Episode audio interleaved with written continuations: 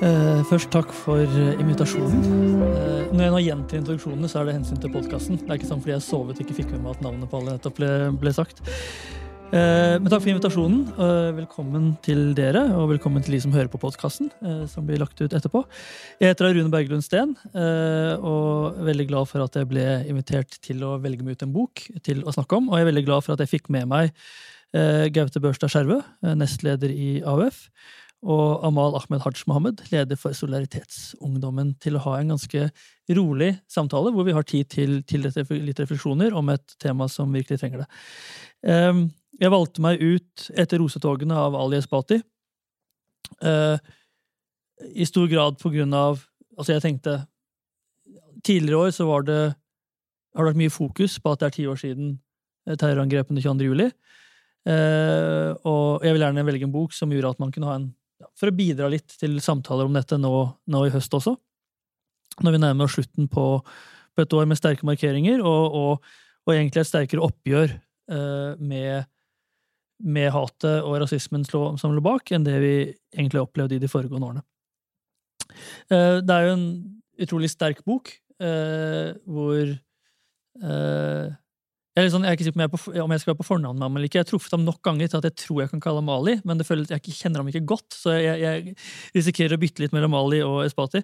Um, men han står liksom, han er, er, boka er veldig solid plantet i alt på en gang. Den er veldig solid plantet i 2011. Det er noen voldsomt sterke beskrivelser av hva som skjedde på Utøya. Det er noen veldig sterke beskrivelser av, uh, fra rettssaken.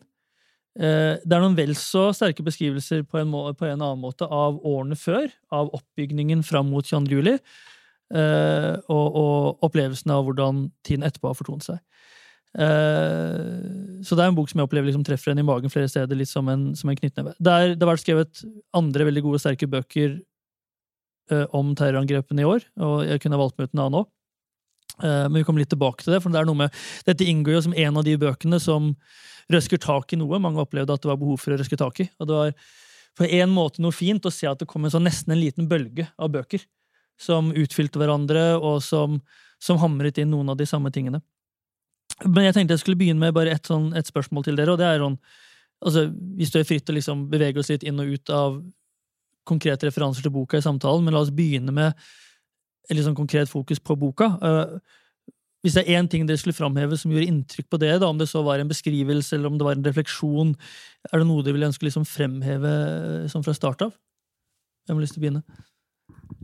Ja, jeg kan godt starte. Jeg syns at uh, det som var veldig sånn uh, iøynefallende med den uh, boka, sånn som jeg husker i ettertid, det var anslaget, som starter med, med beskrivelsen av hvordan Ali Esbati Eh, reflekterer rundt eh, en skolemassakre i Sverige, som veldig få av oss har hørt om. Angrepet på Trollhettan i 2016, om jeg ikke husker feil, hvor en høyreekstrem uh, ung mann tok livet av tre, uh, tre, andre på den skolen, uh, som i etterkant ikke ble debattert i særlig stor grad politisk, som på en måte ble mer snakka om som, som, en tragedie. og han knytter jo en del tanker til til den hendelsen i Trollhättan, og, og, det er ganske overførbart til hvordan vi i Norge har snakka om eh, framfor alt eh, angrepet på Al-Noor-moskeen, drapet på Johanne Irile Sange Hansen, men også, eh, som vi også kjenner igjen fra debatten etter 22. juli, hvordan det ikke er spesielt fokus på at her har det vært en politisk villa handling, men at det er en, en tragedie hvor mennesker har blitt drept, som det også jo riktignok er, men hvor det politiske har forsvunnet veldig i bakgrunnen. Og det slo meg veldig når jeg leste den, det anslaget hos, uh, hos Espati. Jeg tror jeg har eh, noen av de samme refleksjonene dine som gjorde et veldig sterkt inntrykk. Det som traff veldig hardt, det var kanskje den refleksjonen rundt reisen fra ord til handling. Reisen fra tanker og ideer til at man faktisk utgjør noe basert på hat. Um, det var en setning i boken ganske tidlig hvor han skriver at menneskeverdet, eller et menneskeverd, er sosialt bestemt. Og den tror jeg traff veldig spesielt knyttet til det som har med høyreekstreme holdninger og tankegods å gjøre. Men rasisme. At man dehumaniserer noen. Eh, og at man, kan, at man kunne se gjennom hele boken egentlig et parallell mellom hvor tankene ligger, og hvordan handlingene til, potensielt kan komme til utspill, og at det, det er en veksling som hele tiden minner en på at det ligger et ansvar hos, individ, hos individet, men også i samfunnet. Uh, I forhold til det med Trollhättan, så, så slo det meg også litt, fordi jeg hadde liksom tenkt litt over det samme. I og med at jeg jobbet med å følge med på dette, så fikk jeg det med meg. Og jeg var litt sånn overrasket over at det ikke vakte mer oppmerksomhet i Norge. Det var veldig brutalt. Det var en mann, Jeg tror han hadde Darth Vader-maske. altså Det var en ganske voldsom ting. Det skjedde i nabolandet vårt. Men jeg ble kanskje mer, enda mer overrasket når Respati skriver at det ikke, at det liksom ikke så mye oppmerksomhet i Sverige heller. da. Uh, men det kommer liksom litt sånn tilbake til hva, tenker jeg, hva som gjør med høyreekstremisme som, som, innebærer at det på en måte går litt under radaren på én måte. da. Uh, hvis det er én ting som det jeg tenkte på som gjør inntrykk, og, man, og risikoen med å bruke det eksempelet er liksom at man individualiserer det, men noe av det som man skriver veldig direkte og veldig vondt om noen ganger, er hvordan både som direkte personlig opplevelse, f.eks. på et svømmebasseng med rasisme, virkelig treffer veldig hardt. Den det er en beskrivelse av det, hvor han treffer en person, han er der sammen med datteren sin, eh, og noen hvisker noe Ikke det groveste rasistiske, men noe rasistisk til ham, og han står der naken, liksom. Eh, og hvordan det treffer ham. Men også samtidig hvordan ting i samfunnet treffer ham. Hvordan lasermannen ikke sant? Det å, å leve som, som ungdom eller ung voksen i en situasjon hvor du har en, eh, en person som, som, da skyter folk med minoritetsbakgrunn regelmessig. Og, eh, og, og, det samtidig med at han opplever en diskurs i samfunnet som endrer seg i en mer innvandringskritisk eller innvandringsfiendtlig retning, og hvordan alle disse tingene liksom går veldig inn på ham. Og igjen, Det er en risiko for å individualisere det, men, men han, samtidig setter han veldig ord på, på hva fordommer og rasisme på en måte har å si eller kan ha å si for, for ja, opplevelse i kroppen rett og slett, og for, for identitet osv. Som alt annet, så er det, liksom, det, er ikke, det er ikke mye det plass det har, men, men, det er veldig sterkt de gangene han, eh, han, skriver om det. Uh, og det er jo klart noe av det som på en måte også For det er en veldig sånn personlig Samtidig som man er veldig det går litt tilbake til, til hans tidligere samboers uh, essay på en måte, nå er det, nå, heretter er det personlig. For Han viser liksom hvordan det er personlig. Han skriver jo en del om uh, sin ekssamboer Marte Michelet, om deres barn sammen. Og jeg, jeg, var ikke klar over, jeg skjønte litt hvorfor. For jeg, jeg var kjent med at Marte Michelet var utpekt som et, et, eh, sentralt mål den dagen, i 2011. Uh, eller liksom var høyt opp på en, på en liste. Men, men da det kommer til det punktet i boka hvor terroristen under rettssaken direkte omtaler deres datter, det må være noe av det vondere jeg har lest. Altså den, Det å oppleve at ens barn blir omtalt under de omstendighetene. Eh, så ja, det er den sterke biten med å vise at ja, det er liksom, han skriver mye om samfunnsdiskursen. Han skriver om alt fra Sverigedemokraterna til Fremskrittspartiet og andre ting. Men så skriver han også så direkte om hvor ufattelig personlig og, og vondt det kan bli. Um, på en veldig sånn direkte måte, som jeg også tenkte veldig mange har nytte av å lese veldig mange av de som står på en kanskje annen fløy enn oss i disse debattene, hadde hatt nytte av å lese at dette er hva det betyr for folk. Dette er hvor, hvor hardt det kan uh, gå inn på. Uh, jeg vet ikke om du legger til på liksom det punktet før jeg går videre til liksom neste spørsmål. Eh, ja, jeg syns jo det er litt fint at vi kan snakke litt om det også. Det, det er jo et, åpenbart et tilleggsperspektiv ved ei sånn type antirasistisk bok, nettopp at eh, forfatteren sjøl har opplevd rasisme indirekte og direkte, men også er overlevende fra det største rasistiske massemordet i Norge, eller i nesten ja, egentlig Europa siden andre verdenskrig, eh, i hvert fall i, i Vest-Europa. og, og eh, han klarer jo på en måte å gi den personlige historien som en kontekst for å forstå hvorfor at den systematiske rasismen og det som han snakker spesielt politisk da, om Sverigedemokraterna og, og ytre høyre, eh, hvordan det henger sammen. Og jeg tror at det er noe av det viktigste vi kan gjøre for å nettopp vekke alle de som ikke er så bekymra for ytre høyre, da, er å vise nettopp de her personlige historiene, fordi det gir et annet bakteppe. og Jeg syns jo at det er det som funker oss veldig godt, gjør at den boka er veldig sterk. og det er jo veldig få av de her type bøkene som har den type personlige skildringer som eh, Espatis fortelling fra Utøya. Sant? Det er en veldig veldig sterk eh, fortelling også for oss som, som eh, opplevde det selv. Eh, og jeg tror det gir en ekstra tilleggsdimensjon som gjør at flere kanskje lytter, og flere kanskje hører på, enn man ellers ville ha gjort. Kommer kunne avskrevet Espati som eh, ytterliggående venstrepolitiker i Sverige, sant? Som, som har jobbet i Manifest, og som, som tilhører en ytre venstrefløy, men som kanskje blir lyttet av flere av at han tør å bruke sin personlige historie. Og, og det er jo ikke enkelt når man også leser eh, hvor hardt ramma hans familie har blitt personlig. og det er som du sier, da, å få dattera di sitt navn omtalt i rettssaken til Anders Behring Breivik eh, eh, Det kan jo ikke finnes noe vondere eh, nesten i denne verden, tenker jeg, enn den refleksjonen Breivik gjør om, om hans barn. Jeg tror også det er et et utro... Altså, det viser realiteten vi lever i nå. Ali Esbati han kommer jo fra en bakgrunn hvor han har flyktet til Sverige og har sin realitet. Og så har hans partner Hun er jo fra Norge. Og så ser man hvordan dette tankegodset til syvende og sist kommer til å potensielt treffe realiteten til deres ufødte barn.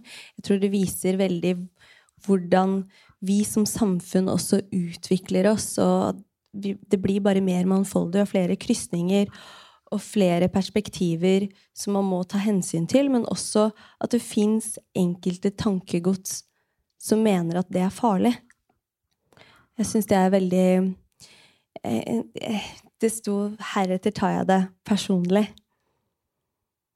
Da tenkte jeg Jeg følte at jeg måtte legge fra meg boka litt. Jeg ble litt sånn For det er jo til syvende og sist våre barn, våre brødre Altså alle de som kommer foran oss, da.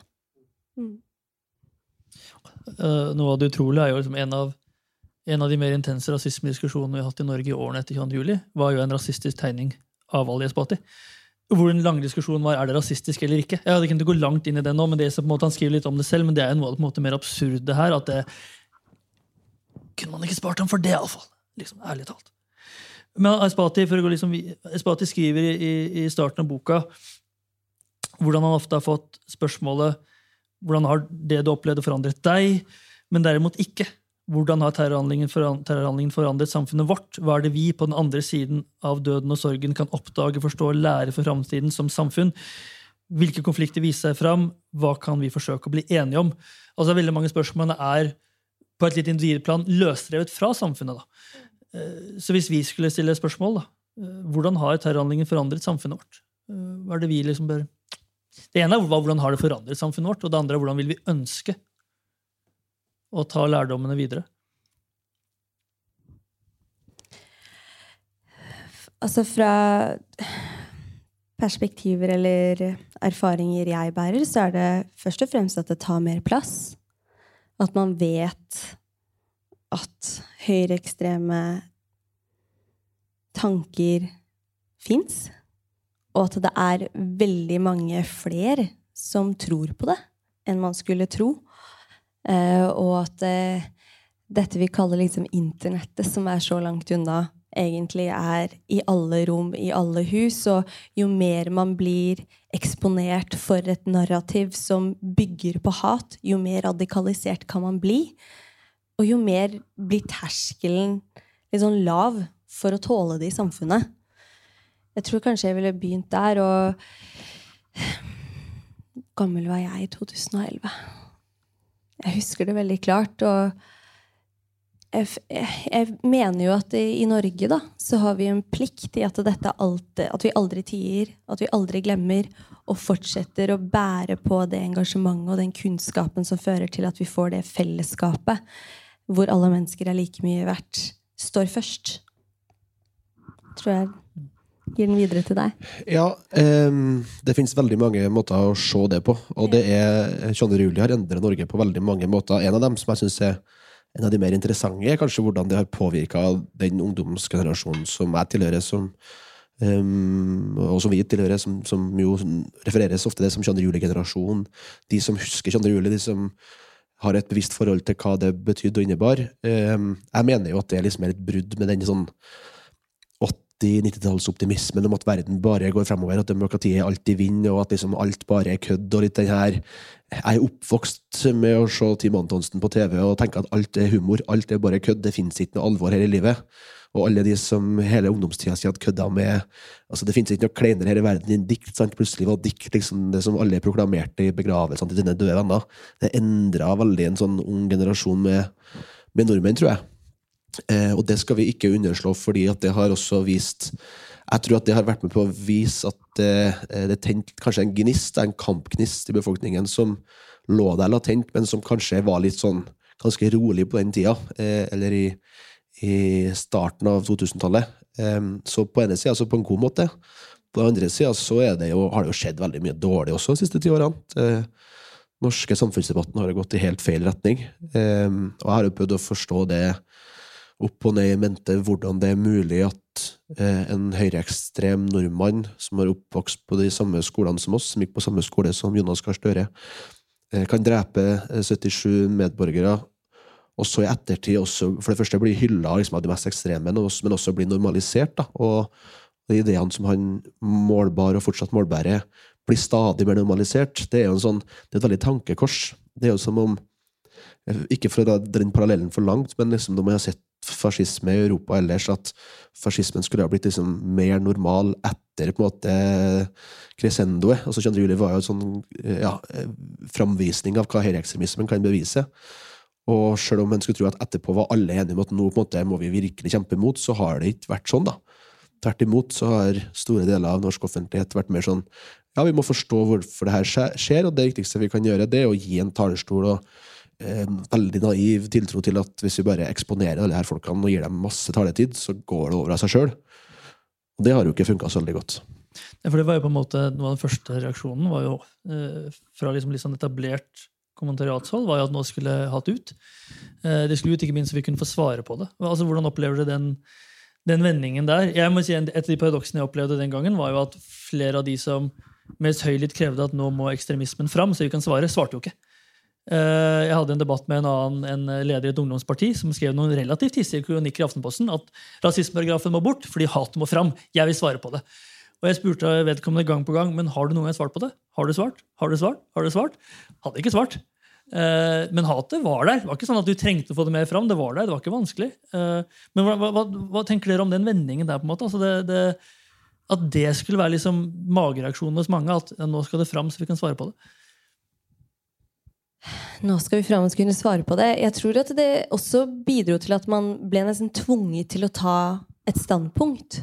Men det var veldig vanskelig å ta et standpunkt for, fordi man ikke forsto alt det politiske bakteppet som sto bak.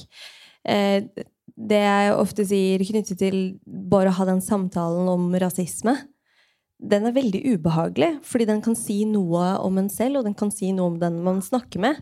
Eh, og man, vi har på en måte ikke de verktøyene i ryggsekken til å vite hvordan vi skal håndtere det sånn helt ut av det blå. Det er noe man opparbeider seg kanskje mer. Og vi, vi hadde ikke det i Norge på den tiden. Og så har det tatt en utrolig lang Det har vært en lang, seig prosess å anerkjenne at det er noe vi må ha. Og det er noe vi må fikse sjæl. Det er ikke noe som bare kommer. Og man kan absolutt ikke sette alt det ansvaret og den byrden på unge. Men det er etter min mening spesielt unge stemmer som har ført dem frem, spesielt AUF, som konsekvent har blitt angrepet for å løfte det og si men vi trenger noen verktøy. Ja, Eskil Pedersen ble jo i 2011, høsten 2011 eh, omtalt som en eh, fiende av demokratiet i Nettavisen eh, i en kommentar eh, som sto på trykk der. Og, og, når man leser Snorre Valens bok, da, uten å gå for mye inn i andre bøker, men han, han sier jo litt om nettopp det hvordan de som tok til motmæle, umiddelbart ble møtt. da. At eh, sånn skulle vi virkelig ikke snakke om folk. Vi skulle ikke tillegge folk noen uhederlige motiver. Her var vi alle snille og gode. Eh, og det oppsto en sånn idé som, som er veldig seigliva, om at eh, i ethvert samfunn så har du på en måte du har ett stort fellesskap der alle er snille og greie, og så har du noen som bruker vold, og de er på en måte utafor oss. Og så finnes det ikke noen steg mellom der. Eh, slik at man kunne tillate seg å, å se eh, en, den største rettssaken i Norges i andre verdenskrig, hvor det var veldig tydelig at uh, den kjente bloggeren Fjordmann hadde ganske direkte inspirert til massemord, men ifølge store deler av den norske offentligheten var helt uskyldig, på en måte ikke måtte ansvarliggjøres for det. Tvert imot måtte tatt penger fra, fra Fritt Ord for å, for å, kunne forklare sin side av saken, og også har fått mye spalteplass i, i Aftenposten for å, for å, si at han i hvert fall ikke noe skyld. Så det var veldig lenge en sånn, en sånn øh, følelse i den norske offentligheten, påstår jeg, hvor hvor man eh, ser at alle som på en måte tar høylytt avstand fra vold, som sier vi skal ikke drepe noen eller ikke gjøre det, de er ok, de er good guys. Og så har vi ikke helt forstått og tatt inn over oss at det er ikke riktig. At det finnes dem som ønsker å undergrave demokratiet. Og der skjedde nok en endring kanskje etter Trump, eh, og stadig, stadig bedre syns jeg det har blitt de siste årene. Kanskje med det store vendepunktet i i februar 2020, når Vårt Land skrev en kommentar på lederkommentar i, eh, der, hvor de skrev det at eh, Fjordmann, Peder Fjordmann Jensen eh, han er kanskje ikke juridisk ansvarlig for 22. juli, men han er i hvert fall moralsk ansvarlig. Eh, det var sånn første gangen jeg opplevde at her tør deler av norske kommentariatet å si at det finnes folk som er medskyldige i terror, i ekstremisme, uten å selv ha begått den. Og Det var et vendepunkt i den debatten opplevde jeg, i hvert fall internt i media. Og så har det jo blitt bedre og bedre i løpet av 2021.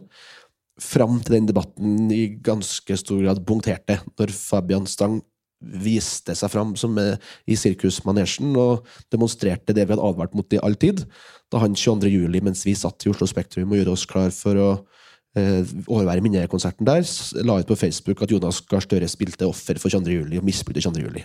Og da døde den debatten ut. Han fikk støtte av Syvi Listhaug, og så var, var, på en måte det fine halvåret som hadde vært, eh, litt sånn punktert.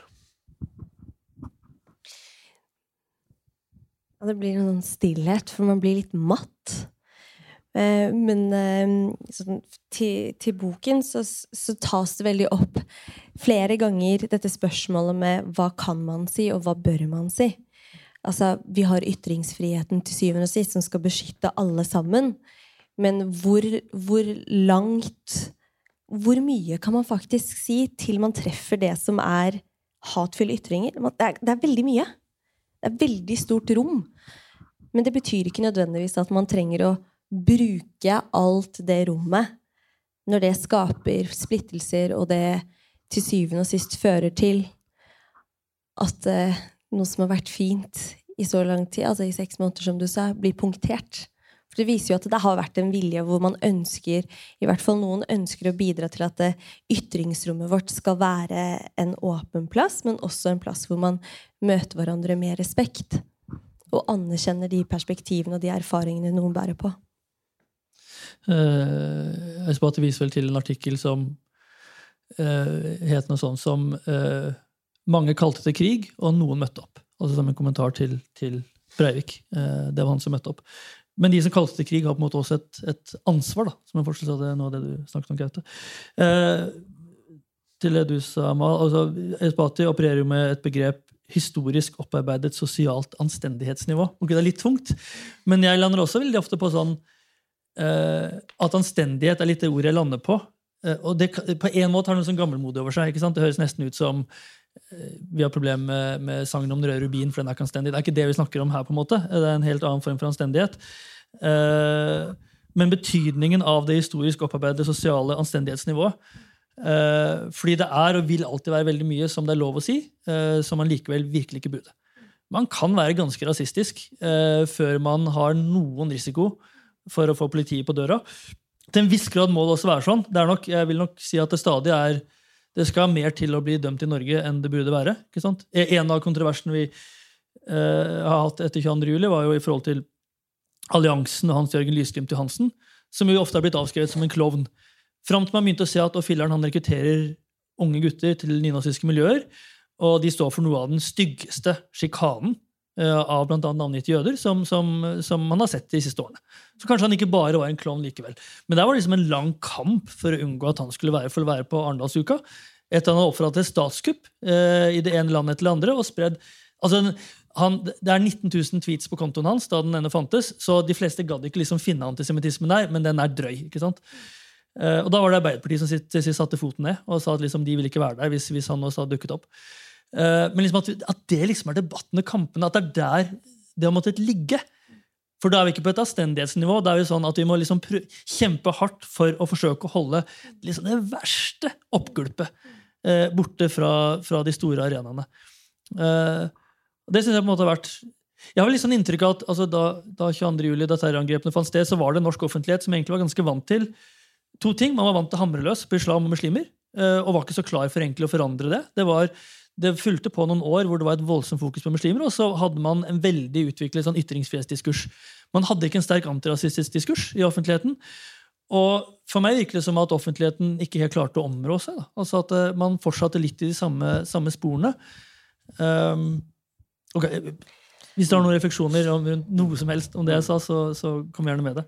Ja, det, det, du sier, det minner meg veldig om eh, på sommerleiren til AUF nå i år eh, hvor jeg holdt en eh, hilsningstale, så siterte jeg en forfatter som også er veldig kjent for den antirasistiske kampen i USA, Maya Angelou, hvor hun sier at ord det er som ting, og det kan sette seg i veggene dine, det kan sette seg i tapeten din, det kan sette seg i klærne dine, i møblene dine, og til slutt inn i deg.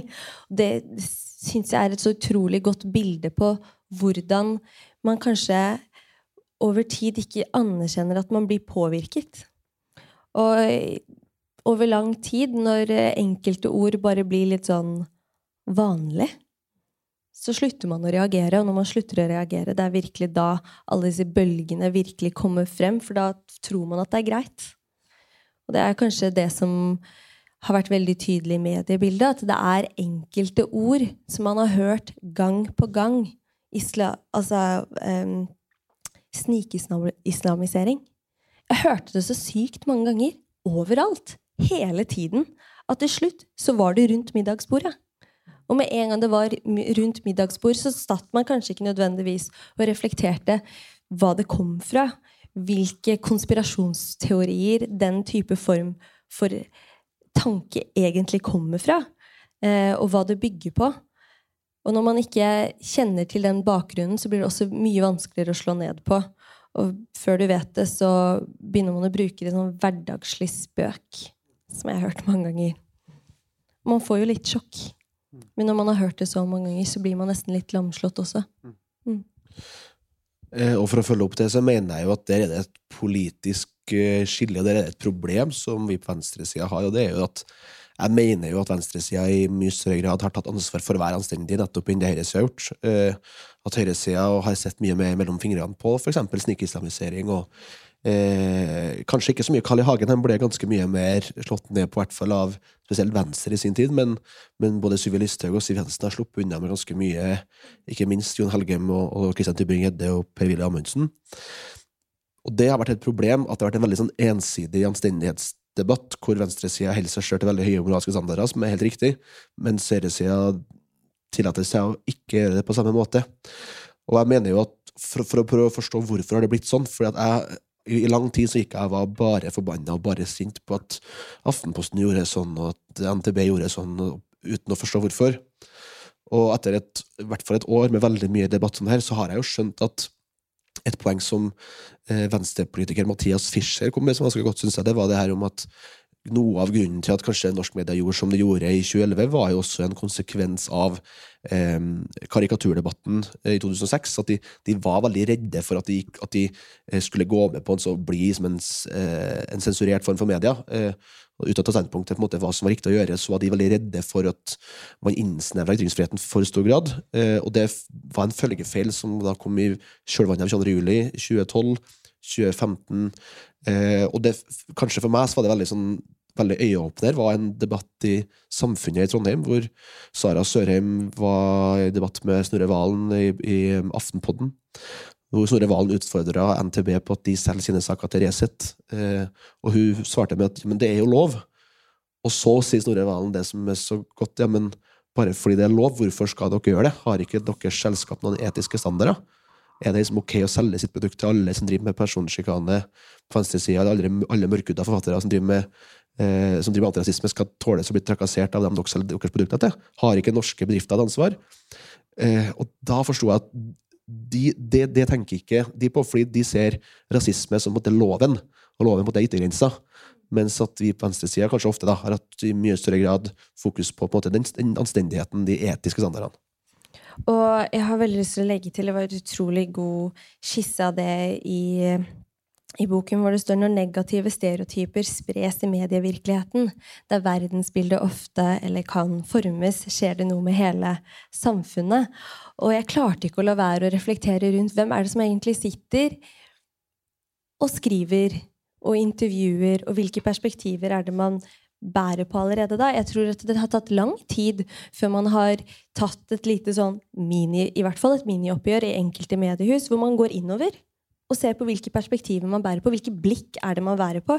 Det at det, det før identifiseringen eh, ble brukt terrorangrep av NRK 35 ganger, og etter at eh, gjerningsmannen ble identifisert, så ble det en tragedie, og det var gal.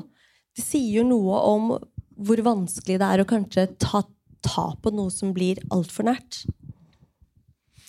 Bare konkret til det med, med NTB. Eh, for noe av det de, veldig mange av de gangene jeg ble omtalt på Resett, så var det med bilder fra NTB. Og det var et bilde NTB hadde tatt i forbindelse med at de gitt ut en roman eh, som ingen leste og ingen kjøpte. Eh, men gleden jeg fikk av liksom intervjuet, var at hver gang de skrev dritt om meg på Resett, så, eller i hvert fall veldig mange ganger, så var det bilder fra NTB. Og det er litt sånn konkret. fordi når jeg går omkring og lurer på liksom, vil, Jeg husker Resett skrev en artikkel om meg som jeg mener husker den ble delt 1200 ganger. Eh, med forbehold om at jeg husker feil. Og hvor det ble påstått at jeg legitimerer vold. Uh, litt rart, fordi jeg hadde bedt motdemonstranter om ikke bruke vold, men de mente at måten jeg hadde sagt det på, i Resett da, var at jeg legitimerte vold egentlig. Ok, Men hvis, hvis så mange mennesker har delt en sånn påstand om meg, er det mulig at en av dem har lyst til å slå meg ned? Og i så fall, hvem er det som ga dem bildet som gjør at de kjenner meg igjen på gata? Det er liksom så konkret som det i forhold til om NTB velger å selge bilder og stoff osv. Til, til en aktør som, som Resett. Eh, men gjelder dette spørsmålet om forholdet mellom Breivik og for så vidt andre terrorister og, og strømninger i samfunnet som sådan. Uh, en ting er, som jeg bet meg merke i i boka, er jo at si, den andre lasermannen, det var en annen skytter i Sverige, som også fikk veldig lite oppmerksomhet i Norge, uh, Peter Mangs, uh, som han sa 'Jeg gjorde bare det alle andre snakket om'. Altså, Han tenkte at han gjorde da han gikk omkring og skjøt folk, det som ble snakket om i samfunnet. Um, og, og, det var elleve liv. Mm? Og det var elleve liv. Mm. Og den fellesnevneren på alle var at de var mørke. Ja. Uh, og så er det ofte komplekst å snakke om måte, forholdet mellom en terrorists hode og ting i samfunnet. Men når man ser på hva Breivik selv sier, og hvor tydelig han plasserer seg selv i en samfunnsmessig kontekst Det er så konkret at det går, liksom, det går kaldt nedover ryggen på en. Alle referansene til Når man hører liksom, sluttappellen hans og de ulike forsvarstalene hans, referansene til SOS rasisme, til antirasenter også, eller til Barna Regnbuen, eller til enkeltpersoner eller til hans syn på Frp. Jeg tror han sier det på et tidspunkt at hvis Frp hadde blitt behandlet penere, ville han kanskje ikke ha gjort dette. Og klart at Det betyr jo ikke at han skal liksom få, få, hegemoni over hvordan man forteller historien. Men det er ingen tvil om at terroristene ofte selv plasserer seg veldig konkret i forhold til ting i samfunnet, i forhold til strømninger i samfunnet, og viser at det er påvirket. Uh, så er det klart det som har påvirket dem, er kjørt gjennom en hjerne som er, er, er rimelig skrudd. Men det er likevel ingen tvil om at det er en sammenheng der som er, er ganske komplisert. Og på ett nivå så virker det litt på meg som for Ali Esbati skriver en del om det der med å ta debatten, for han ble beryktet en gang for å si at vi må våge å ikke ta debatten. ikke sant? Da snakket han om, om innvandringsdebatten. Vi må våge å ikke ta debatten. Uh, men for meg er det liksom jo, vi må, ta, vi må åpenbart våge å ta debatten. Det er liksom, er ikke lov til å si noe annet om islam og muslimer og muslimer og muslimer år etter år. Men vi må ikke våge å ta debatten med Frp. Og Det er liksom paradoks. Vi skal hele tiden ta debatten om det Frp vil snakke om, men i ganske mange år har man ikke skulle ta debatten om f.eks. Frp. Uh, tror du det har endret seg en del etter de siste par årene? Altså Etter at man hadde en situasjon hvor en statsråden måtte gå av, altså Listhaug, pga. noen ganske voldsom, voldsom, retorikk.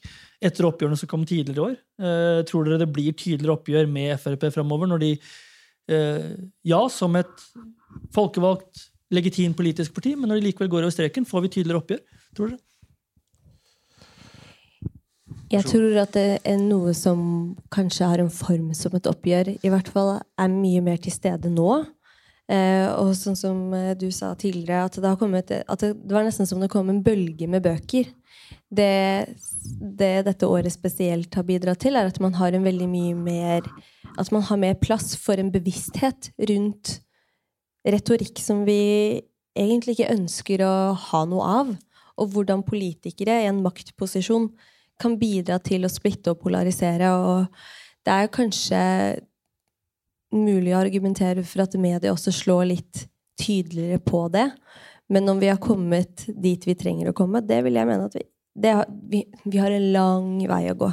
Vi har en lang vei å gå med alle de organisasjonene som fremdeles kanskje har retningslinjer knyttet til trakassering, og diskriminering, men ikke nevner antirasisme eller rasisme. At vi har en vei, lang vei å gå når vi kan snakke om vi ønsker et mangfoldig og inkluderende samfunn, men ikke setter det i kontekst til diskriminering og antirasisme, fordi de henger veldig sammen.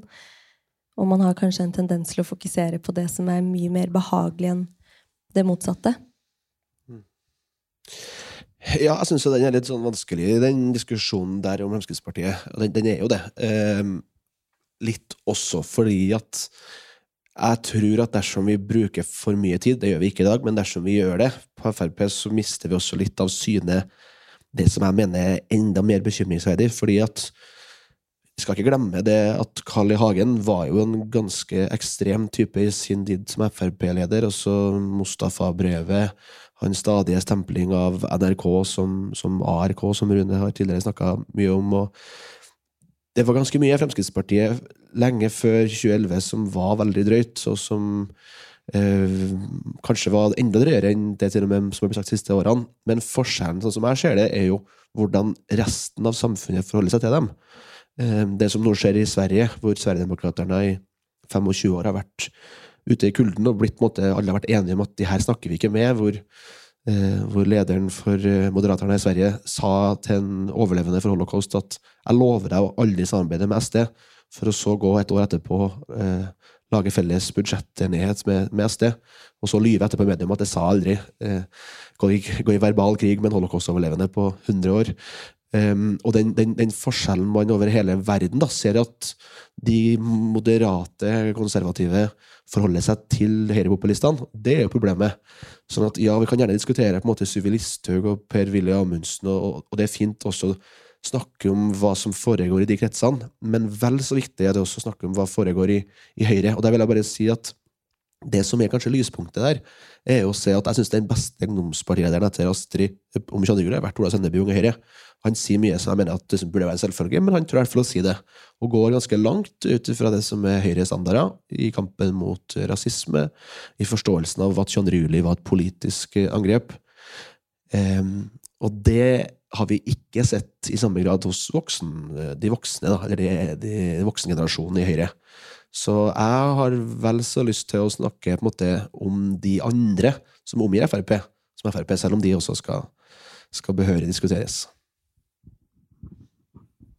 Jeg tror det kanskje går fint inn i et av eh, sitatene fra boken, hvor det står å forstå rasistisk vold som et spektrum. At det, er, det er et spekter, og at det kan det kan slå hardt på forskjellige måter, og det trenger ikke å være noen som fysisk slår deg for at det treffer. Eh, jeg er helt enig med deg, Gaute, om at vi i ungdomsbevegelsene og ungdomspartiene har kanskje snakket mye mer åpent om å ta et standpunkt sammenlignet med enkelte voksne moderpartier. Mm. Uh, absolutt, og så fint at du tok inn det, det perspektivet. For det er jo en glidning man ser der. Og jeg husker liksom, det er jo, altså Høyre har jo en, en til tider ærverdig historie på det. Jeg husker en debatt hvor Inge Lønning var med, liksom, og hvor kontant han reagerte. Det begynner å bli en år siden. Eh, det var mot Siv Jensen den gangen. Og Det er ikke så ofte man ser det lenger som man, eh, man skulle ønske. Bare en siste sånn, sånn strø refleksjon rundt si, forholdet mellom radikaliseringen av Breivik og samfunnet. Jeg vil liksom bare liksom framheve det poenget som jeg kanskje har vært innom det, at akkurat de årene hvor han ble radikalisert, var virkelig de årene da fokuset på muslimer festa seg i Norge. Det var årene etter, etter eh, 2001. Det var de årene hvor vi hadde statistikk som viste at eh, islam, muslimer, ble omtalt Jeg husker ikke eksakt hvordan det var, like mye som mer enn finanskrise og svineinfluensa og Jens Stoltenberg var en. Sånn, jeg husker ikke helt presist, men der omkring. Det var faktisk akkurat de årene. Det var akkurat de årene. Så selv at man ikke kan trekke en sånn direkte linje mellom en terrorist og enkeltpersoner, så klart at det finnes en linje mellom en terrorist og strømninger i samfunnet som, som jeg egentlig syns er, er, ganske åpenbar, selv om, selv om, det ofte har vært litt sånn, nesten litt tabu å, å, å snakke om det. Um, og det minner meg om hvordan også man får en veldig tydelig skissering av Hvor begynte det egentlig? At man, man snakker om dette om uh, islamifisering, for eksempel. Det var et ganske nytt, nytt ord som jeg opplever blir brukt mer i dag. Men også islamofobi, og hvor kommer det egentlig fra? På hvilken måte er det et samfunnsmessig fenomen som blir diskutert i boken? Som viser at det til syvende og sist bunner i sterkt tydelige konspirasjonsteorier. Eh, som man kanskje ikke snakker om like mye selv den dag i dag. Som man absolutt trenger å anerkjenne og vite om for å se hvordan disse strømningene i samfunnet skjer. da. Eh, hvis vi snakker en del om diskursen, strømninger i samfunnet osv. Hvis vi skulle gå litt sånn konkret inn på noe av det uh, Espati også skriver en del om, nemlig hvordan en del høyreekstremisme har gått under radaren. og hvordan det skjer jo igjen og igjen. Og jeg syns det skjer så mye igjen og igjen at det på en måte er i seg selv vært litt sånn oppmerksomhet og litt fokus. Um, og der Vi var litt innom det i forhold til, i forhold til Trollhettan, Men, uh, men vi så jo på en måte igjen i 2019 så så vi at en ung majoritetsnordmann hadde blitt veldig tydelig radikalisert. Det var åpenbart for deler av omgivelsene at han var radikalisert. Og det ble ikke fanget opp.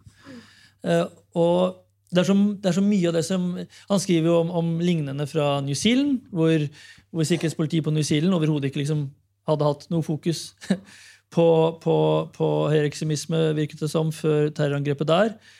Uh, og vi så det veldig tydelig i Norge. Etter drapet på Benjamin Hermansen, som det er 20 år siden i år, så hadde politiet en veldig sånn direkte innsats mot de nynazistiske miljøene som var effektiv. etter alt Jeg kan bedømme. Jeg jobbet ikke med dette da, men alt, når det snakkes om det, så snakkes det alltid som at det var ganske vellykket. Og så sluttet man å følge med. Ikke sånn sluttet litt, man sluttet. I de årene så vet vi at Vigrid planla terrorangrep. Det ble kjent på først nå nylig. Vi vet at de antagelig, Jeg tror det gikk til anskaffelse av våpen. Og, men det var ikke noen som forsket på det, og det var ikke noen i politiet som fulgte med. I forhold til Vigrid hadde man egentlig bare flaks. At de endte opp med å legge bort planene, fordi lederen fant ut at nei, vi, vi ikke gjøre det likevel. Men planene var faktisk lagt. Uh, og da 22. juli fant sted jeg må innrømme at For min del, jeg hadde begynt på andre senter i 2010. og for, jeg, jeg har sagt noen ganger før, men jeg tok det så til de grader for gitt at PST var på ballen. Uh, det jeg var bekymret for da, var islamofobien. Uh, ut fra litt, jeg husker Tine Skei Grande nevnte det en gang. at hun, Det var liksom på den tiden at de brevene hun mottok, de hatbrevene hun mottok, hadde endret seg fra å være sånne korte sånn skittgreier til lange utredninger om hvorfor islam ødelegger samfunnet. Det hadde vært et skifte der uh, som jeg synes var ganske lett å plukke opp. Vi hadde skudd mot et asylmottak. Uh, I 2008 var det. Vi hadde et drap i to, 2009 i Trondheim. Uh, av en næringsmann som ble dømt som utilregnelig, men det fremsto som relativt klart rasistisk og islamofot motivert likevel. Uh, man, hadde, vel akkurat, man hadde hatt Peter Mangs i Sverige allerede, en andrelasmann, hvis jeg ikke husker kronologien feil. Og Likevel så fulgte man ikke med. Etter 22. juli så hadde vi et møte med PST og hvor vi spurte om de hadde fulgt med på noen av de høyreekstreme sidene. Ingen. Vi spurte om de hadde tenkt å begynne å følge med. Nei. Hvorfor? Ytringsfrihet. Og da snakker vi om de nynazistiske sidene. Og det er noe med det der med hva, hva er det med denne hva er det med den tingen med høyreekstremisme som gjør at deler av politiet deler av offentligheten holder igjen? For igjen, altså Det var etter terrorangrepet, så satt PST det var et par-tre måneder etter, satt de og sa at de ville fortsatt ikke følge med på det av hensyn til ytringsfriheten. Og det har endret seg helt klart siden. Men det, det går litt igjen. Og hvordan kommer vi det der til livs? Den der ideen om ja, høyreekstremisme er terror, det er ikke bare tragedie. Det er like farlig, eller ofte farligere, som islamistisk terror vi må ikke noen gang komme tilbake til, til den greia der, og den, den dukker opp igjen. Uh, nå sier jeg mye om det, men uh, ja, grep det. Ja, for å snakke litt videre om, om det som jeg snakka litt om innledningsvis også, at vi har en tendens til å tro at mennesker ikke kan være onde, at det er ingen av oss som egentlig mener noe vondt, at vi bare har forskjellige perspektiver på hvordan å gjøre verden bedre. Men realiteten er jo, det ser vi over hele verden, vi ser det i land nært oss, vi har sett det spesielt synlig i USA, at det finnes jo de som virkelig hater. Det finnes jo meget rasistiske, fascistiske og nazistiske bevegelser i Europa tett på oss, men som vi likevel ikke tør å si at er det, av frykt for at vi skal stempe de feil. Og det er en følgefeil som er et problem i skolen, fordi lærerne er redd for å snakke om 22. juli politisk, fordi de er redd for å si noe feil om f.eks. Fremskrittspartiet. Vi ser det i media, hvor de er redd for å kalle Lysglimt for en nazist, eller at han tilhører en bevegelser, bevegelse, av eh, redsel for å diskutere begrepene og bli havnet i en begrepskrig. Vi ser det også i politiet, hvor politiet er redd for nettopp ytringsfriheten. Og, det er jo egentlig en riktig ryggmargsrefleks av politiet at de ikke ønsker måte å overvåke for tett politiske eh, radikale. Mm, problemet er at man ved å gjøre det her i sum har underslått alvoret i, i de som er spesielt høyreekstreme, også de høyreradikale.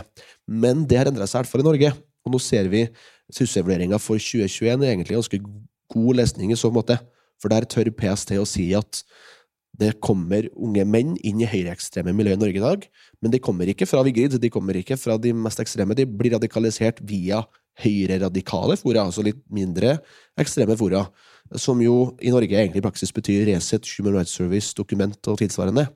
Disse miljøene avler fram noen ganske ekstreme folk, og det tør politiet nå å si, og det er veldig, veldig bra så er det også sånn at uh, selv når vi ser det foran øynene på oss, nekter vi å innrømme det. og et sånn slående eksempel for min del er bare å se på Tyskland. I Tyskland så fører politiet statistikk. De har registrert over 26 000 høyreekstreme de følger tett.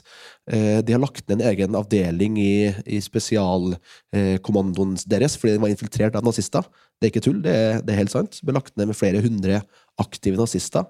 Eh, på den tida hvor Olof Palme ble skutt i Stockholm, så var det 50 organiserte nynazister som hylla Hitler, som arbeida i Stockholmspolitiet. Det er foran øynene på oss, men vi vil ikke innrømme det. fordi at vi, vi, tenker at det kan ikke være så ille. Og det er jo, for å dra den tilbake historisk, så er det jo det Arne Øverland sier.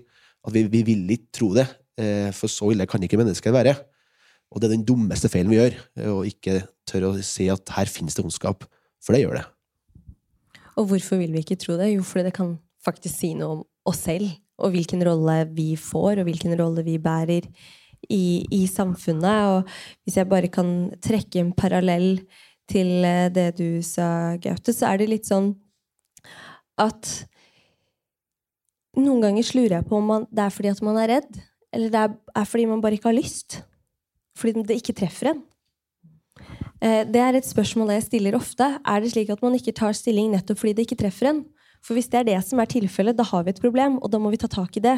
For noen ganger, så i hvert fall knyttet til den eh, antirasistiske kampen, så er det mange som bare ikke tar stilling. Jeg er ikke rasist. Men jeg, man er ikke en antirasist heller.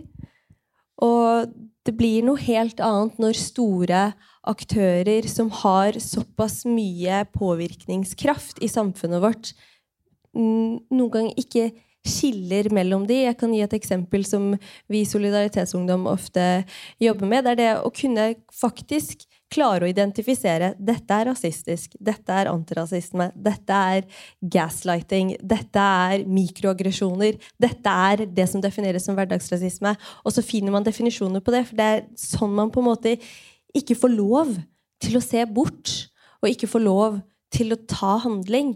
Mm, vi vet at det har vært tilfeller hvor noen har fått en anelse om at noe er galt med noens tankegods. Men så har man ikke gjort noe, nettopp fordi at man kanskje ikke har de verktøyene til å faktisk identifisere og føle at det ansvaret ligger på én. For til syvende og sist så kan det skade hele samfunnet vårt. Ja, jeg stopper der. uh, Vi må jo faktisk begynne å gå inn for landing. Vi har liksom flere, flere landingsspørsmål. Eh, så vi får dra gjennom eh, med å prøve. Men jeg bare sånn for å følge opp én ting for jeg, altså Det å faktisk omtale disse tingene presist, journalistisk, er jo faktisk noe man ikke har blitt spesielt mye bedre på de siste årene. Og jeg skulle ønske at, at media iallfall begynte der. når man, man er muslimkritisk, når man åpenbart er muslimfiendtlig. Det handler, det handler, ikke om at media da foretar en politisk vurdering. Det handler om at de skal være faktuelt riktige uh, og korrekte. Det er ukorrekt å bruke feil uttrykk. Uh, Lysglimt, som du nevnte, de, som, de, bruker plakater fra Nasjonal Samling.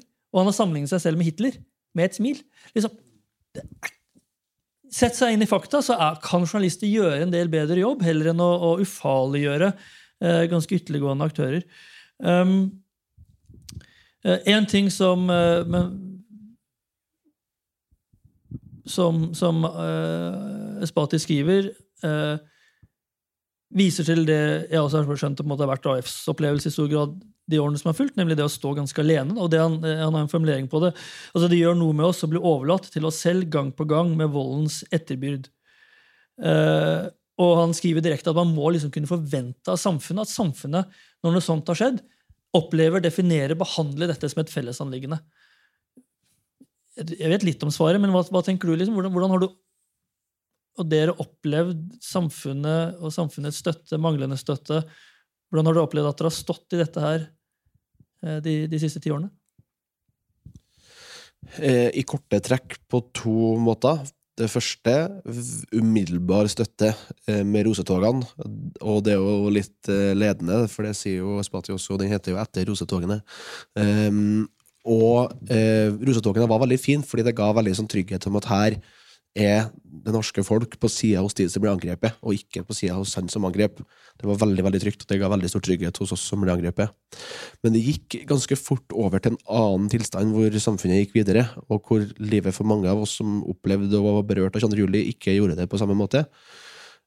Eh, og sakte, men sikkert så har jo den kollektive støtten gått over til å bli eh, eh pakka inn i et lag med bomull, som har handla om at min analyse er at voksne folk som husker bildene fra TV-en, som husker radiosendingene, som var lærere eller sykepleiere eller hadde barn selv, som syntes det her ble for ekstremt. altså Våre barn ble skutt. Åge Aleksandersen sto på scenen på Frosta kvelden 22. juli og skulle spille, og så gikk han opp og sa at 'jeg spiller ikke når de dreper ungene våre'. Og Det var en sånn kollektiv følelse tror jeg, blant mange voksne som var så intens at mange var sånn det her kan ikke vi snakke om, det, her, det blir for drøyt, vi må legge det bak oss. Som egentlig er en, måte, en naturlig reaksjon. Men den ble så sterk og så kollektiv at man slutta å snakke om 22. juli. Og så var det litt behagelig at liksom, vi som hadde opplevd det, fikk snakke om det sjøl. Mens vi ville jo helst ikke måte, være liksom, det som sto fremste linje. Men vi opplevde gang på gang nye debatter om rasisme, at vi alltid ble stående alene. og det har vi jo ganske, egentlig følt ganske mye, da. Eh, men det har blitt mye bedre i det året som har vært, heldigvis. Og over til det, da, altså dette året hvor det har kommet ganske mange bøker, hvor det har vært ganske mange debatter. Uh, og det oppleves som kanskje noen barrierer er brutt.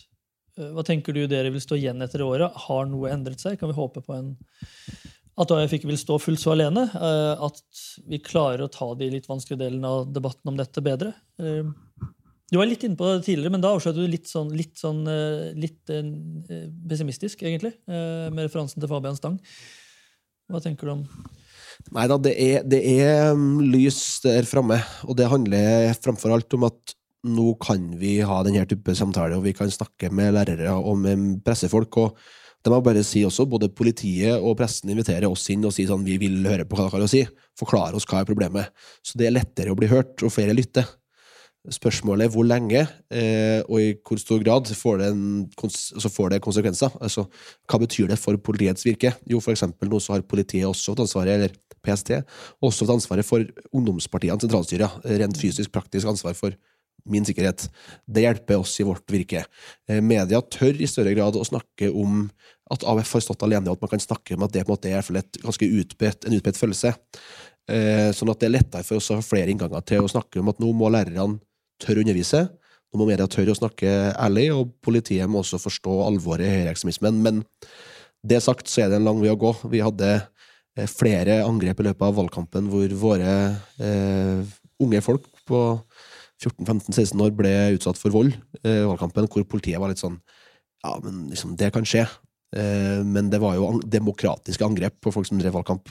Og vi ser fortsatt at det er et stykke igjen da, til vi forstår alvoret i at unge folk blir utsatt for den type trusler og, og direkte vold, eh, som heldigvis gikk bra den gangen, men som kunne ha blitt mye verre. Jeg kan jo legge til at eh, det kanskje har blitt tydeligere på hvem det er som er allierte. Hvem det er som faktisk tar handling og ikke bare lytter, men er aktivt lyttende og hører på hva behovene og hva kravene er. For det er en veldig stor forskjell på å lytte og det å være en aktiv lytter.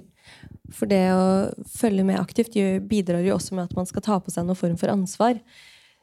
Og det å jobbe antirasistisk fører jo også til at man, man, må skjønne at det å være en antirasist, eller det å være en del av en antirasistisk bevegelse, det innebærer at man er bevisst på at det er rasistiske strukturer.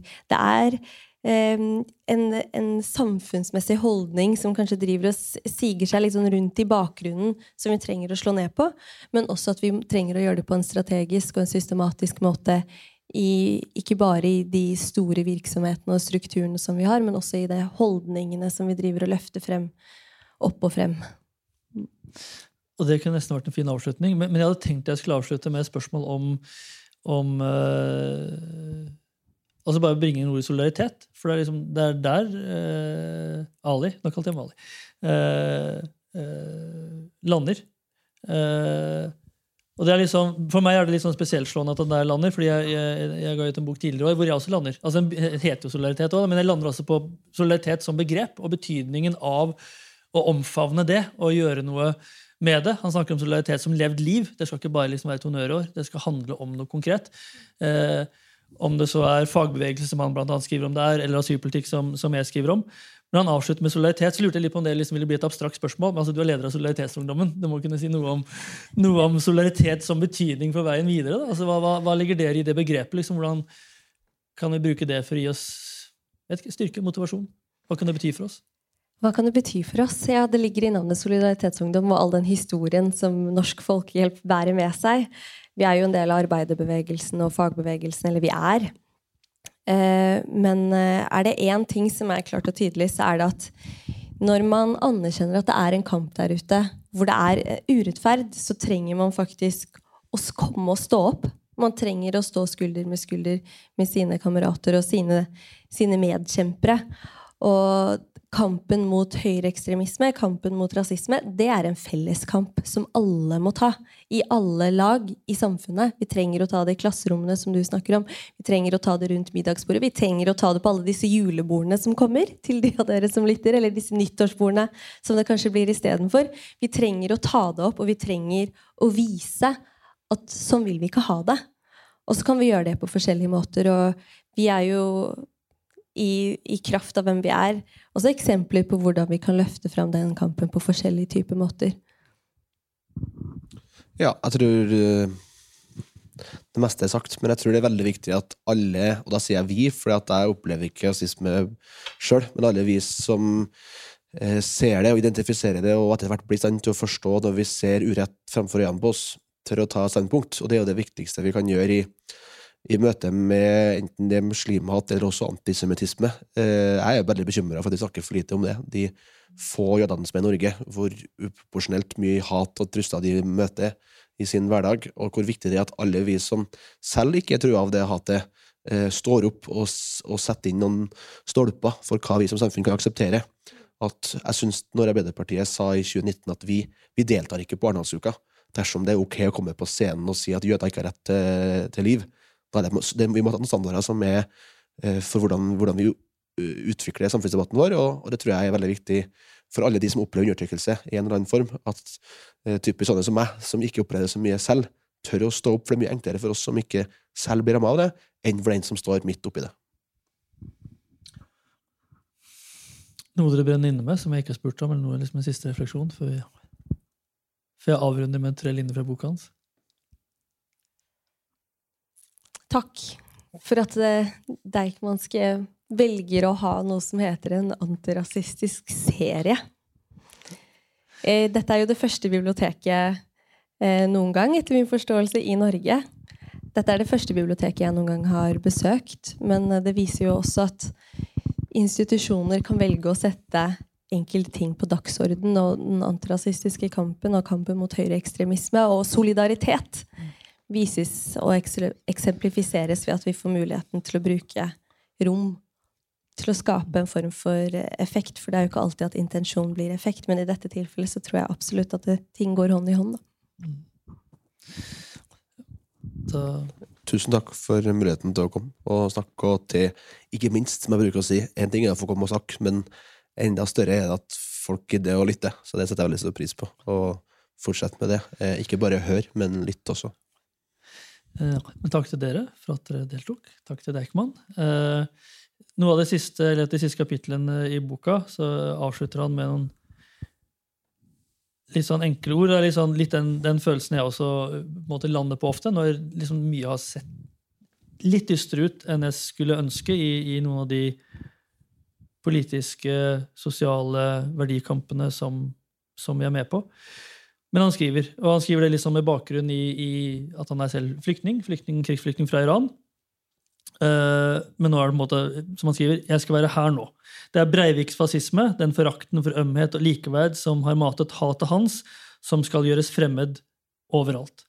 For dette skal jeg leve og kjempe hvor enn jeg finnes, skulle det bli en kort stund eller lenge. Og Det er litt der som jeg føler at vi lander alle sammen, en litt sånn, noen ganger med en viss motløshet, men likevel med en sånn felles opplevelse av å stå sammen i en solidarisk kamp. Så lykke til videre til alle sammen i den kampen. Og takk igjen.